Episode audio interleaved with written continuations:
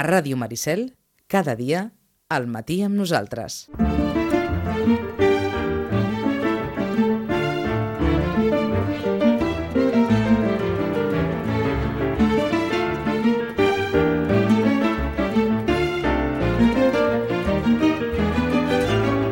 Onze i setze. Ens esperàvem, potser encara és massa d'hora per esperar-s'ho, que el llibre sobre Pep Guardiola estaria dalt de tot. Està en la llista dels llibres més venuts de no ficció en català, està en el número 10 de moment, eh? El llibre de Jaume Collell, editat per Columna, o recorregut per la vida familiar i professional de l'actual entrenador del Barça, està en el número 10, però després d'aquesta febrada col·lectiva i d'aquests èxits, òbviament, eh, eh, esperàvem que això hagués encaixat una miqueta més. Però, en qualsevol cas, és una qüestió eh, col·lateral perquè havíem deixat eh, la nostra conversa amb Rosana Lluc a les portes de saber bé, el darrer llibre de l'home de la Catedral del Mar, d'Ildefonso Falcones, que ja estava a punt, a punt, a punt de, de sortir, i alguns altres que s'esperaven també de cara a aquests primers dies de juny. A l'altre costat del fiu telefònic, com sempre, per informar-nos de tot plegat, saludem la Rosana Lluc. Rosana, bon dia i bona hora. Hola, molt bon dia. Gairebé començo pel final. S'està venent el llibre de Guardiola?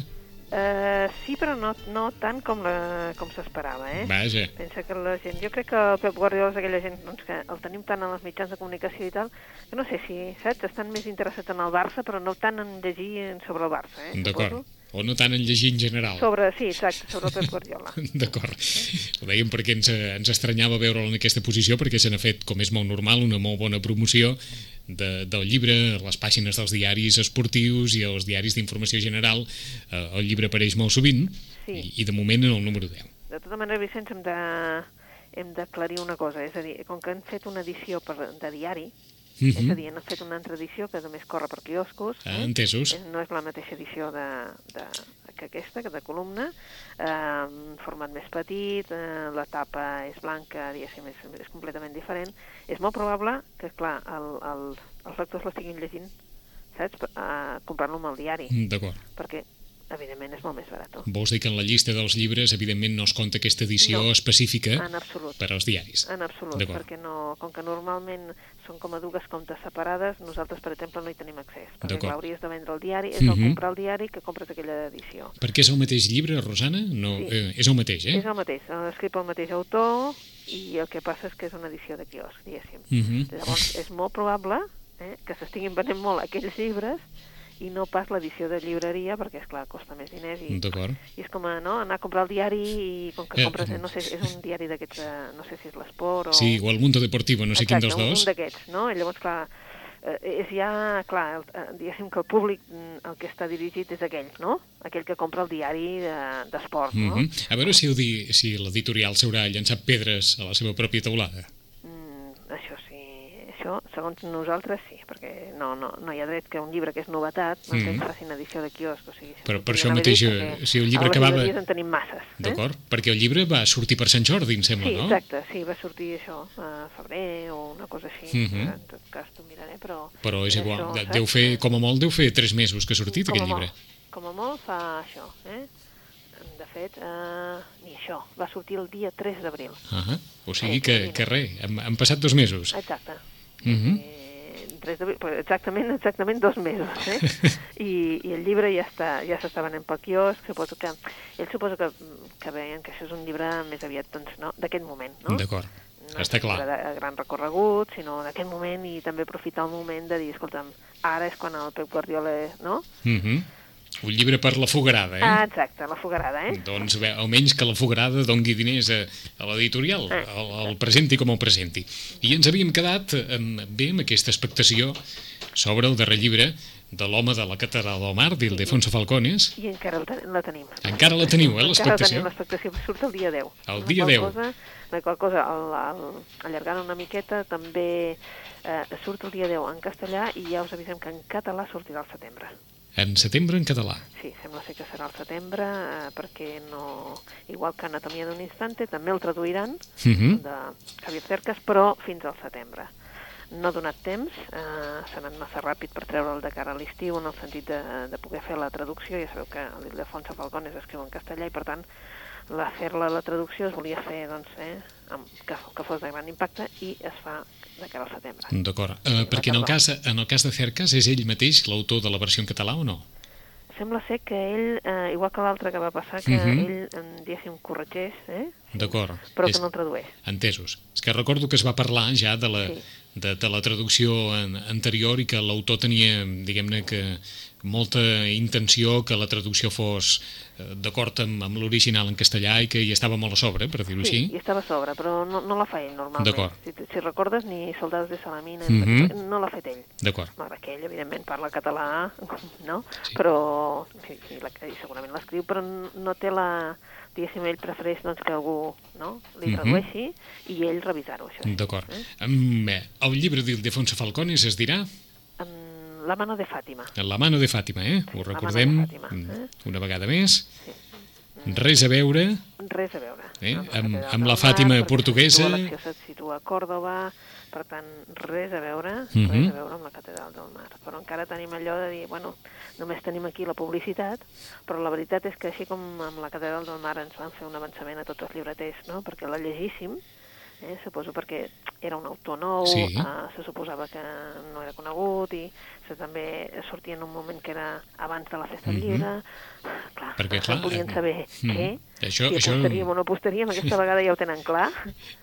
I per tant, suposo que de moment no... A mi no m'ha arribat cap còpia allò per llegir-la. i això, és, dim- i això és dimecres que ve. Per tant, ja no, ja no arribarà. D'acord. ja no arribarà. Jo crec que ja, arribarà ja quan estigui editat, saps? Vull dir que l'altra vegada va arribar així, saps? Una edició per llibreters i aquesta Mhm. vegada, de moment, no ha arribat. Que vols dir que l'editorial confia més en el, en el rellançament de cara a la tardor? No, no, jo No? crec que volen rellançar-ho. Saps què passa? Quan surt un llibre de cara a l'estiu, normalment, com que si t'hi fixes no surten gaires novetats, així, novetats molt, Sí. molt, molt potents, no Mhm. surten a partir de, del dia 20 i pico de juny, ja tothom és com si se n'anés de vacances, no? Llavors, editors i distribuïdors mmm, quasi, quasi se'n van de vacances en el sentit de dir, bé, ja preparen la tardor, no? I jo crec que eh, van encertar amb Los hombres que no aman a les mujeres en treure'n a l'estiu, perquè va ser un llibre que, que de seguida es va veure que, que ens agradava molta gent i el vam començar no, a recomanar, i per tant va ser un bon estiu pel llibre, malgrat que ara no té res a veure amb ara, eh, però diguéssim que va ser un bon estiu, jo crec que també ells confien de dir, doncs serà una lectura d'estiu, eh, en principi, Mhm. i evidentment serà de llarg recorregut, ells això ja ho veuen. D'acord. O sigui que qui vulgui La mano de Fàtima en català, que s'esperi al setembre, Mhm. i si no, dimecres que ve 10 de juny, llançament editorial del segon llibre d'Ildefonso Falcones, La mano de Fàtima, a tots els quioscos el proper dimecres 10 de juny. I qui vulgui Anatomia d'un instanti de Javier Cercas en català, que també s'esperi al setembre, si és que pot esperar-se, perquè aquest sí que va ser un impacte per, Sí, eh, sí, per sí. Sant Jordi, I continua sent continua, continua sent-ho, eh? Sí, un dels llibres me- més venuts. en Mm -hmm. És el llibre més venut amb, amb no ficció en castellà, tot i que aquí ho col·loca en la categoria d'assaig i com ens deia la Rosana, això és un assaig novel·lat o una novel·la assagista, una, un... Sí, el- no saps ben bé, no? eh, No és un assaig ben bé, llegeix com una novel·la, però Mhm. és veritat que a veure, està, està parlant d'uns fets que, que van passar i que tots reconeixem, perquè són, res, eh, fa quatre dies, eh? Mhm. Fa quatre dies, eh? i ens queda encara, bé, eh, l'esperat llibre de Larson, L'esperat llibre de Larson. Aquest Quan? Sí que hi ha cua. hi ha cua. Sí, diguéssim que aquest sí que la veritat és que hi ha molts clients que se l'han encarregat, eh? Per, per, que se'ls avisi, eh? Només ha arribat que se'ls avisi. D'acord. Quan surt? El dia 18. El dia 18. El dia 18 en català i castellà. Sí, En català i castellà, eh? Ah, sí, perquè aquest és traducció i sí que s'han posat d'acord els editors en dir no, ha de sortir el mateix dia, això sí, els hi vam demanar. Mhm. És una traducció, per tant, mm, tampoc no té massa sentit i la veritat és que com que ja hi ha tothom llegint-lo amb una llengua o una altra, sí que és important que surti el mateix dia, i sortirà el mateix dia. Eh? Perfecte. Per tant, poden marcar les agendes 10 de juny, La mano de Fàtima, 18 de juny, Sí. el darrer llibre Sí, de Stieg Larsson. de data. Aquest ha canviat de data, si recordes, eh, Sí. la primera data era eh, la primera data era el dia 5, després ho van canviar el 23, eh? Mm. i després van veure que el 23 era massa just amb el 24 i que que no els semblava bé la data, i Mhm. ho han canviat el dia 18, o sigui, tota la d'això, tot el, tota la, diguéssim, empremta publicitària sortirà el dia 18. Eh? D'acord. I el llibre es diu? El llibre es diu La reina en el Palau dels Corrents d'Aire. un altre títol diferent. Mm Eh? -hmm. Oh. Diferent, mm, diguem-ne, que no difícil, però que sí que ens sobten els títols, no? Eh, això, La reina en el Palau dels Corrents d'Aire. Eh? Bé, hi havia un palau molt conegut per les seves corrents d'aire, eh? però no sé si és aquest el que refereix. Mm, jo diria que no, que no se'n van tan lluny, eh? Mm, D'acord. No se'n van tan lluny. No sé si estàs parlant tu de la zona del Rajasthan o no. No, no, no, no, No? estic parlant de Versalles. Ah, doncs no, no, jo parlava, veus, jo me n'anava més lluny encara. Que, per, eh? que precisament Lluís XIV es va construir una garita Sí. d'or per evitar els corrents d'aire. Doncs, eh, Però vaja, no, mm, no se'n que va... tampoc, veus, aquesta és una altra de les coses, vull dir, han anat tant que si ara aquí, que si ara allà, eh, fins a l'última hora, eh, canviant les dates, que tampoc tenim la, el llibre per D'acord. eh, sí, ni, va una, o va d'aquell altre. ni, una, no ni una mínima recensió sobre la història, ni, ni res? Res, bueno, Res. a veure, hi ha, hi ha un fulletó en, en l'edició en català, no pas en castellà, en l'edició Mhm. en català, eh, l'última edició que s'ha fet del, del segon llibre, és a dir, no la, no la primera edició ni la segona, sinó l'última edició que hi ha, porta un fulletó en el que ja hi ha un avançament. Eh? Reconec que no l'he volgut llegir, Mm -hmm. perquè és un llibre que necessito, quan el, quan el començo a llegir faig una tirada, una tirada llarga, Sí, diguéssim, sí. i clar, m'ha semblat que... I vaig pensar, no, no, no, no deixa-la estar, no cal ni que sàpigues de què va, doncs, eh? I total, vull dir, clar, amb un avançament l'únic que veus és si, si t'agradarà, si t'enganxarà, però no, no de què va. Eh? Mm -hmm. Per tant, ho he deixat córrer. Doncs eh, Haurem esperar, d'esperar-se. 18 de juny, en català i en castellà, La reina en el Palau dels Corrents d'Aire, Mm. de Stieg Larsson, eh, o sigui que segurament hi afegirem a la llista dels llibres més venuts, com dèiem, serà un dels pocs casos, almenys des que fem aquesta col·laboració eh, amb la Rosana des de la llibreria Llorenç, en què s'haurà trobat tres llibres d'un mateix autor a la llista dels llibres més venuts i per postres l'autor es mor, o sigui que eh, eh, això és una d'aquelles eh, d'aquelles combinacions que no, que no havia eh, succeït. Sí, I- és veritat, perquè si te'n recordes, l'únic que ara aquests darrers temps el que ens hem trobat és amb la Stephanie Meyer, Mhm. eh? que sí que té els llibres seus mm, que continuen arrasant, no? sobretot amb un públic potser més jove que el que, el que està llegint la noia que somiava, Mhm. eh?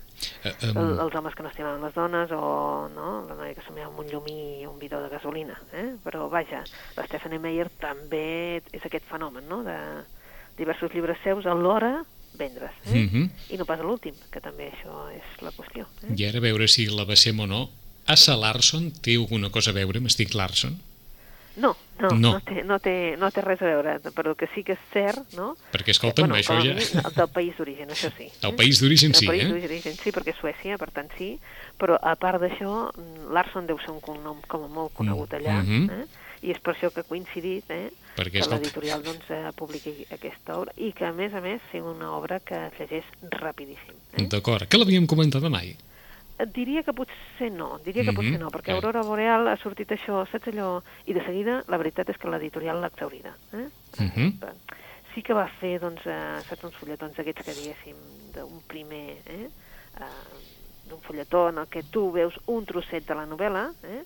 i, bueno, doncs, suposo que entre tots, que també l'hem promocionada bastant, doncs, és veritat que sí que ha sigut una obra que sense gaire promoció extra, diguéssim, de diaris i tal, s'ha anat. D'acord, estem parlant perquè, perquè els oients se'n facin el càrrec d'Aurora Boreal, eh, novel·la d'Assa Larson, publicada per Seix Barral, la, la sinopsi que em fa oh, La Vanguardia, diguem-ne que crida molt l'atenció ja d'entrada, amb tres línies, eh?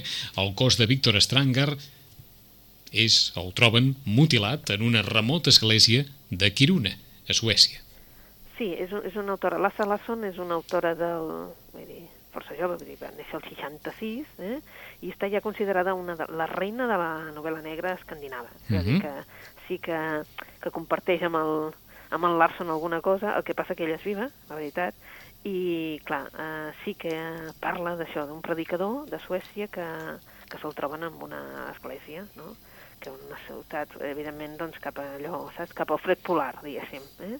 I la germana de la víctima eh, ha sigut qui ha trobat el, el cos i sus, se sospita eh, que ha estat ella. Clar, a partir d'aquell moment ella està desesperada i demana ajuda amb una amiga d'adolescència, que és una, una, una advocada. L'advocada es diu Rebecca Martinson i és una advocada que viu a Estocolm i que després que torna, diguéssim, aquest paisatge, torna cap a aquesta ciutat, que va ser la ciutat on ella va néixer, a averiguar una mica, ajudar-la per saber qui és el culpable. Eh? Um, clar, el problema és que ella només compta amb la, la complicitat de la d'una policia, una policia que és molt intel·ligent però que alhora també està embarassada en aquests moments i per tant a Kiruna molta gent té secrets, no? coses per amagar. Eh? I la veritat és que de cop i volta la, la neu ja no serà blanca sinó que serà ja d'un color ja de color de sang. Eh? Eh, és una obra que també ha, allà ha vengut moltíssim, a Suècia s'ha vengut moltíssim, ha estat publicada a molts altres països i que ara que ens semblava que, que no seria una obra que, clar, repetint nom i tal, i és que resulta que, clar, al Larson també li agradava, a l'Estic Larson també li agradava la Salarson. Entesos. Per tant, també té alguna de guanyat. Vinga, ja hem és trobat, un, ja hem trobat un altre... Una... Ràpid i, per tant, és normal que... I ja hem trobat un altre, un altre argument de venda, un altre argument promocional, sí, eh? eh? Bueno, és que ara n'hi ha molts, eh? A Estic Larson, li, a Estic Larson li agradava a Larson. matrimoni suec, eh? el Pierre Balou, eh? i que també hem començat a vendre i hem començat a vendre moltíssim perquè també són autors que Larson els eh, recomanava, per tant també té, uh -huh. saps? Allò també és un argument. Eh? D'acord, o sigui que bons... El fet que Larson recomani un bons autor, padrins, eh? El recomanés, per hem perdut a la Rosana, ja m'ho veia venir que estava a punt de passar això, eh? O, o sigui que eh, eh, estàvem conversant amb, eh, sobre el llibre Aurora Boreal de Salarson i ens semblava que la Rosana no, no ens escoltava. Sí, a veure no, si ja ara... sentia, ara eh? sí? Perfecte, ara... recuperat aquí. Perfecte, doncs deia que no hi ha millor argument publicitari hores d'ara sí. que dir que a Stieg Larsson li agradava sí. a Salarson, l'autora d'Aurora Boreal. Exacte, i ara, mm. per exemple, a Columna ha recuperat en català, perquè no, no estaven traduïts al català, doncs aquest matrimoni que et deia, aquest matrimoni suec, que sí. eren el uh, Majes Hollow i Per Balú, que sí que havíem recomanat potser Rosean, ara s'han traduït al català Rosean i L'home que es va esfumar, que són dues obres que ja estaven en castellà, uh -huh. i han posat una franja, els editors, que posa els autors que han inspirat a l'Estic Larson. ja et dic, ara l'Estic Larson serveix absolutament per tot, que és el que tu deies. déu nhi I mort, eh? I mort, sí, sí, mm. clar. És que ara ell no es pot queixar, eh? No, no, està clar. I, no es pot queixar de si realment és així o no. Eh? Uh -huh. Mai una persona enterrada ha donat tants diners a la literatura com el cas d'Estic Larson en aquests darrers anys, eh? Sí, sí. Això, això, per, eh? per, per descomptat. Hi ha alguns dels llibres que ens havia recomanat la Rosana, també ja en la llista eh, dels llibres més venuts, per exemple, Ella que todo lo tuvo, d'Àngela Becerra, el llibre que ens havia recomanat fa, fa 15 dies, està ja en el número 6 de la llista dels llibres més venuts. Hi ha, per exemple, n'havíem parlat en el seu dia, però en el cas de la literatura de ficció en català, aquest olor de colònia de Sílvia Alcántara, sí eh, està darrere de Stieg Larsson, però amb una molt bona posició, o Silenci de Gaspar Hernández, eh, també. Són alguns de, dels llibres dels quals n'havíem parlat i que continuen estant doncs, en, en un molt bon lloc després que, que ens havies comentat, La soledat de los números primos, i continua, i continua sent també, i aquest Manual de la Oscuridad, que ens va recomanar també d'Enrique de Eriz, eh, ja comença, i, i que comença també a fer, a fer encaix aquí. Eh? Sí. Eh, bé, recomanacions per aquesta setmana, Rosana. Vinga, doncs deixem la novel·la negra de moment, potser, i se n'anem amb una altra. També en tenim un munt de, de novel·les negres per recomanar, però està, potser... Està de moda, eh? Sí, sí. Ara hem deixat la novel·la històrica i hem passat a la novel·la negra. Ara. Sí, saps? Vull dir, és que hem d'anar per temes, eh? I ara és moment de crisi i suposo que, saps, això de... No, quan es tracta de crisi suposo que necessitem una novel·la de molta mm -hmm. acció, no? Escolta'm, i parèntesi, parlant de crisi, sí. els llibres sobre la crisi... Bueno, això és... Eh? Això, això ho estàs comprant tot, eh? Sí, totalment, eh? La part de, diguéssim, de no ficció està totalment escombrada pels llibres de, que parlen de la crisi. Mm -hmm. eh? Però, però de por. Això, eh? Des de... La crisi ninja, uh -huh. el crash del 2010... 10. O el No m'ho crec, de Joan Major. El No m'ho crec, per exemple, que ha sigut un dels llibres en català. La veritat és que potser és el que més s'està venent, perquè, esclar, els altres dos estan en castellà. Sí. Mm, bueno, crisis, mentides i grans oportunitats que no surten al, en els llibres no. venuts, però que també és un dels altres que, que també s'està venent. Bueno, és que no us ho creuríeu, eh? Uh -huh. Vull dir, és un, és tot un tema. Eh? D'acord, doncs fèiem aquest encaix pels llibres de la crisi, però la Rosana ens portava cap a un altre costat. Cap a un eh? altre, jo us porto cap a obres per, per, per distreure'ns totalment, doncs vinga. que no tingui res a veure amb això. Eh? Jo us porto la, la darrera que m'ha agradat molt i que, per tant, la vull compartir. Eh? Es diu La lluvia antes de caer. És una, la publicada Anagrama i és un autor que es diu Jonathan Coe. Bé, la lluvia antes de Caer ens parla d'una dona, eh? la Rosamond. La Rosamond és una senyora gran que, que ha mort, eh? i tenia 73 anys, eh, patia del cor, i la veritat és que ella havia decidit que no es volia operar. No volia ni un bypass, no volia absolutament res, volia que la deixessin. Uh -huh. deixessin. Havia perdut a la seva companya, diguéssim, feia uns anys, eh, la seva companya s'havia mort, eh, i per tant ella volia ja, doncs, diguem-ne, acabar la seva vida. La seva doctora, en els últims temps, quasi, quasi que la, la visitava, més per fer-li companyia que, que quasi cada dia, només per veure si estava bé, no? Perquè ella ja li havia dit que no, no volia res. Eh? Uh -huh. Que no La volia viure, vaja. Eh? Que no volia viure, vaja. No volia viure, no, no pas en condicions, eh, diguéssim, que l'hagués de passar per l'hospital i tot això, l'aterrava i va dir que ja en tenia prou. La va trobar aguda en la seva cadira, en el seu sofà, diguéssim, i la veritat és que després de l'enterrament va vindre el testament. Eh? La Rosamond eh, no es va casar, no va tenir fills, eh, la, la, la seva companya, diguéssim, ja havia mort eh, feia anys, i per Mhm. tant la seva herència s'haurà de repartir a parts iguals entre tres eh, persones. Eh, dues són nebots, eh, que són el Jill i el David, que la Jill i el David. La Jill i el David són germans, eh, que són els fills de la seva germana. I l'altra és per a Imogen. Imogen és una persona com a desconeguda, o quasi desconeguda, perquè la Jill la recorda. La va veure fa molts anys, quan ella estava embarassada del primer fill, i la veritat se la recorda, era una nena, diguéssim, una nena, eh, amb una característica. Era, tenia una minusvalia perquè era cega. Eh? Tenia uns set anys, era una nena rossa, una nena estranya, però encantadora, i va ser una nena que eh, perduraria en la memòria de tots aquells que s'havien reunit per, eh, per l'aniversari de la Rosa, en aquell cas. Eh? Quan la Gil va a casa d'aquesta, de, de la seva tieta, que s'ha mort, i per una mica per, per veure què hi ha i per Mhm. eh, ordenar una mica, troba un altre llegat. Eh, són unes cintes de caset que la, ella havia gravat abans de morir morir o bé decidir morir perquè després es, no, es veu que hi, hi, hi troba unes coses que diu que, que l'indueixen a pensar que ell es va enduir la seva mort, no? Uh -huh. Amb una nota que li diu a la Gil que les cintes eh, són per la Imogen, eh? però eh, que si no les troba, no la troba amb ella, que les escolti ella, no? que les escolti. bueno, uns mesos més tard, perquè ella no està disposada amb aquell llegat, ara doncs la trasbalsa bastant i Mhm. ja en té prou amb la seva vida, etc. Eh, torna a sentir la, la veu de la seva tieta en les cintes i llavors decideix, és com una búsqueda de, de veure on està. Però és que resulta que amb aquesta gravació la seva tieta el que ha fet és una descripció, en definitiva, d'unes fotografies. Unes fotografies que, és que estan ordenades d'una manera com a molt desigual i que en definitiva està explicant la història, una història de mares, de filles, i que va des dels anys 40 fins ara. Eh? En definitiva, són tres generacions de dones lligades per, per això. Potser pel desig, potser per la culpa, potser una mica per aquest, eh, pels efectes i com de diferents són els efectes entre les persones, no? En definitiva ens porta una història, una història preciosa, una història que, bé, que ens captiva des del primer moment, perquè el Jonathan Coe, eh, tot i que és un home, doncs escriu d'una manera preciosa i que diries que, doncs, que té un sentit cap als sentiments femenins. Has, has, estat a punt de, has estat a punt de dir que escriu d'una forma molt femenina. Bueno, jo diria que a nosaltres, bueno, a nosaltres, jo, No, no. dic, jo Sí, sí, he, he en- compartit la lectura amb una altra persona. Però em sembla que ho has, de, quedat eh, ho has definit molt bé, amb molta sensibilitat. Vaja. amb molta sensibilitat, saps? Vull dir que molta sensibilitat i, i diferent, no? Mhm. no?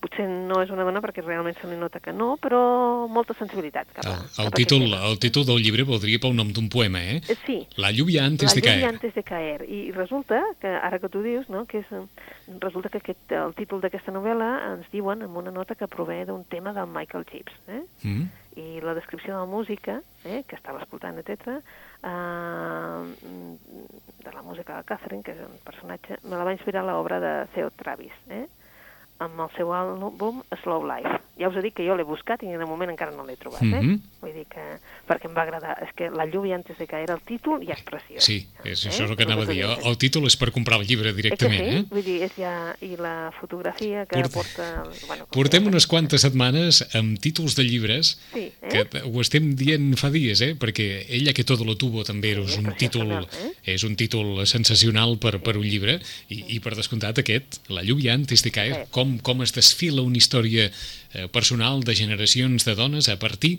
del testament eh, d'una dona que potser s'indueix la mort, però en el fons que no volia viure i que deixa un llegat que es va desfilant a la mesura que, que una de les seves nebodes doncs, va estirant d'aquest cordill del, del testament. La lluvia antes de caer, de Jonathan Coe, qui vulgui una història eh, sensible, qui vulgui una història, encara que estiguem a l'estiu, diguem-ne, amb, un, amb un cert ànim de tardor. Mm, sí, potser mm? sí, seria potser això, sí. eh? però jo ja et dic que a mi m'ha durat poquíssim. Eh? T'ha durat poquíssim? Sí, perquè, clar, la llegeixes i ets incapaç de, de deixar-la. Eh? Mm -hmm. Tot i que no, evidentment no té no és cap ànim de thriller, sí que hi ha un misteri, perquè, és clar no es troba l'Imogen i, per tant, hi ha un misteri, però no és un thriller, eh? Ja també avisem de que la, la gent que vagi amb el ritme de, de Larson o de l'Assa Larson no té res a veure aquesta novel·la. D'acord. Per on seguim, Rosana? Seguim per una novel·la difícil. Difícil pels, la, per l'argument, si diem-ne. A, a mi m'ha recordat, com a tema, eh? no, no té res a veure tampoc el tema, però la manera de com ho descriu eh, Joana E. No sé si recordem aquest Joana E. Mm. Vull dir, el Joana E eh, de la Antònia Oliver mm, tenia un final doncs, bastant atípic, no?, diem-ne. Doncs eh, jo he llegit aquest del Trapiello, Andrés Trapiello, Los Confines, i també diria que és una novel·la sentiments eh, difer diferents. Eh? Um, la Clàudia i el Max. La Clàudia i el Max mm, són dos personatges de, de la novel·la que són, resulta, doncs, eh, després ho veurem, que són germans. Eh? Són dos germans que va perdre primer el pare, el pare amb un accident eh, que sembla ser doncs, que, com si tingués una relació amb la cantant amb la que portaven el cotxe, etc etc. i després, al cap de pocs anys, mor la mare. Eh? Mhm. I els dos, eh, ells dos són petits, són molt petits, eh, en definitiva, la nena, diguéssim, que representa que tindria uns 4 anys, una cosa així, i el nen ja en té com a 10. Eh? Amb la qual cosa, eh, els, una, una persona que estava molt lligada amb ells, que era també la, la dona mm, del soci del seu pare, doncs decideix que els adopta. Uh -huh. Tot i que el marit no n'estava d'acord, però els adopten.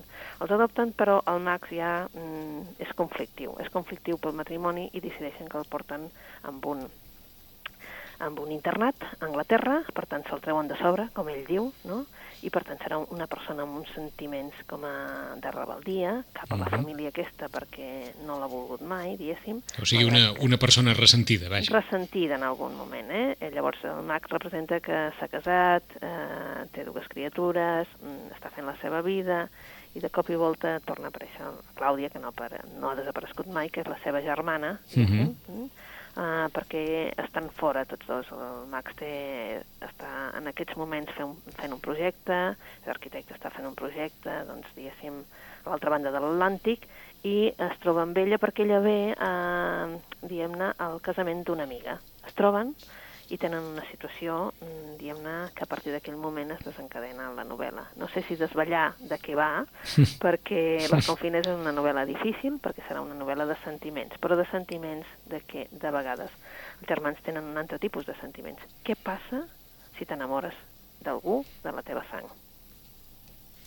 Això no era allò que en deien també els castellans a partir de la literatura de l'amor sororal. Sí. Sí, Eh? d'allò de l'amor entre germans i de... La mort entre germans, Mm. eh? Doncs Los Confines és fins on es pot arribar aquest amor entre germans, Uh -huh. per què no pot ser feliç algú que estima l'altre, tant si és de la seva sang com si no? Què passa si això, aquesta, aquest d'això es vol, doncs, eh, fer públic? Uh -huh. No només fer com una cosa, no?, d'amagatotis i d'això, sinó fer públic com la societat, evidentment, et rebutja, etc etc. no? Es diu Los Confines, i a mi és una obra que m'ha agradat. M'ha agradat de com està escrita, com està tractat el tema, perquè en cap moment hi ha aquell, saps, aquella cosa bruta, aquella Mhm. cosa de buscar-hi l'altre aspecte, sinó que en tot moment la Clàudia va definint els seus sentiments, no? I el Max es va obrint i, doncs, lluitant per allò que estima. O sigui que aquests confinis són els confinis de, de l'amor, dels Exacte. sentiments, en el llindar, per dir-ho així. aquest, eh? En el llindar aquest. I sí, i Mm. veurem que evidentment la societat mm, no accepta això, Mhm. Hi ha pocs, poques persones que... i d'on te pot vindre la traïció d'algú, eh? D'acord. que sigui molt a prop teu. D'Andrés Trapiello, Trapiello, Los Confines, tenim dos minuts per una recomanació ràpida. Rosana. Per una ràpida, doncs anem amb una ràpida. El Robert Ludlum, eh? el Protocolo Sigma, és la darrera obra del rei del thriller. Eh? Uh, un banquer nord-americà, Albert Hartman, arriba a Zúrich per passar unes vacances allò a la neu. Eh? Està Mhm. convidat per un client que, a més a més, li vol presentar amb una persona, la seva neta, que és una persona molt atractiva. Eh? La festa sembla completa quan a la porta d'hotel eh, es troba amb el Jimmy Cavanaugh, que és un amic de la universitat. El problema és que el Jimmy porta una pistola i que el seu objectiu sembla ser que és eh, el vent. Eh? A partir d'aquest moment, clar, mentre estan en el Departament de Justícia dels Estats Units, l'Anna Navarro està a punt de realitzar un descobriment d'allò inquietant, eh? la mort de 11 homes a l'altra part del planeta i que està resolucionada amb una paraula, sigma. Eh? Bé, mm, sembla que aquesta paraula i aquest thriller ja ve des de la Segona Guerra Mundial, per tant, eh, diem-ne que la volen retirar amb ella del cas perquè ha averiguat massa. Què ens porta el Robert Ludlum? Doncs una altra vegada una intriga internacional. Eh, ell és el creador del Jason Bourne, eh, d'aquell mm -hmm. el, el protocolo Sigma torna a ser un thriller, però que si ens recordem de, eh, el cas Soborne, doncs eh, seria d'aquest autor. Entesos. Doncs avui començarem pel final. Qui s'ho vulgui passar allò bé sense preocupacions ni sense més transcendència, de Robert Ludlum, el protocolo Sigma, aquesta novel·la d'intriga internacional, eh, Sigma defineix un enigma i a partir d'aquí es va desenfilant la història. I dues novel·les una de molt difícil ens diu la Rosana, perquè totes dues apel·len al, als sentiments. Quan diu la Rosana molt difícil, Molt difícil, vull dir perquè hi ha gent que això doncs, li costa veure Mhm. que és, de tota manera és una novel·la i per tant... d'això mateix, eh? Però vull dir, per entrar-hi a poc a poc i sense, sense ànim de, de córrer massa, eh, Los confines de Andrés Trapiello i La lluvia antes de caer, una història eh, de sensibilitat de Jonathan Coe, que també acaba de sortir. En 15 dies hi tornem i en 15 dies la Rosana ens dirà si, veritablement, eh, La mano de Fàtima del Defonso Falcones i aquest La reina nou palau dels corrents d'aire de Stieg Larsson responen a les expectatives. Rosana, fins aquí 15 dies. Fins aquí 15 dies. Mira. Adéu-siau.